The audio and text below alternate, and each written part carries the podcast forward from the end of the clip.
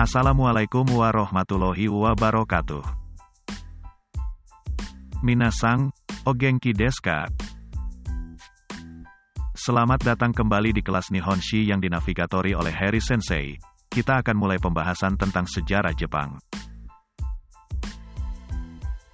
Zaman Prasejarah Sebelum menjadi sebuah negara kepulauan seperti saat ini, daratan Jepang pada awalnya menyatu dengan daratan Asia. Menurut para ahli, bentuk yang yang berupa kepulauan seperti saat ini terbentuk sekitar 10.000 tahun yang lalu. Kemudian, dari manakah orang-orang yang mendiami kepulauan itu berasal, sampai saat ini, masih menjadi bahan diskusi di kalangan para ahli tentang dari mana asal-usul nenek moyang orang Jepang tersebut. Orang-orang yang mendiami kepulauan Jepang pada masa awal ini, tinggal di Tate Anashiki Jukyo.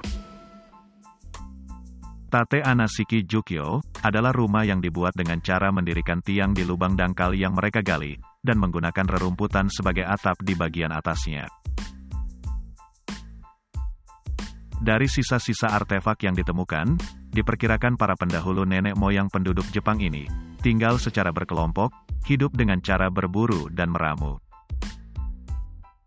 Gundukan cangkang kerang yang ditemukan di beberapa tempat, perkakas yang terbuat dari batu, dan tembikar, menjadi salah satu petunjuk, informasi, tentang bagaimana kehidupan pada masa itu. Manusia pada masa itu percaya terhadap adanya roh dalam batu, pohon, binatang, dan semua benda-benda yang ada di alam, atau yang lebih dikenal dengan istilah aliran animisme dan dinamisme. Kepercayaan terhadap roh dan kekuatan yang besar di luar diri manusia inilah yang membuat mereka mempersembahkan sesaji-sesaji dan merapalkan mantra-mantra untuk menenangkan roh-roh itu dan memohon untuk kehidupan yang aman dan sejahtera. Zaman ini berlangsung selama kira-kira 8.000 tahun sejak 10.000 tahun yang lalu.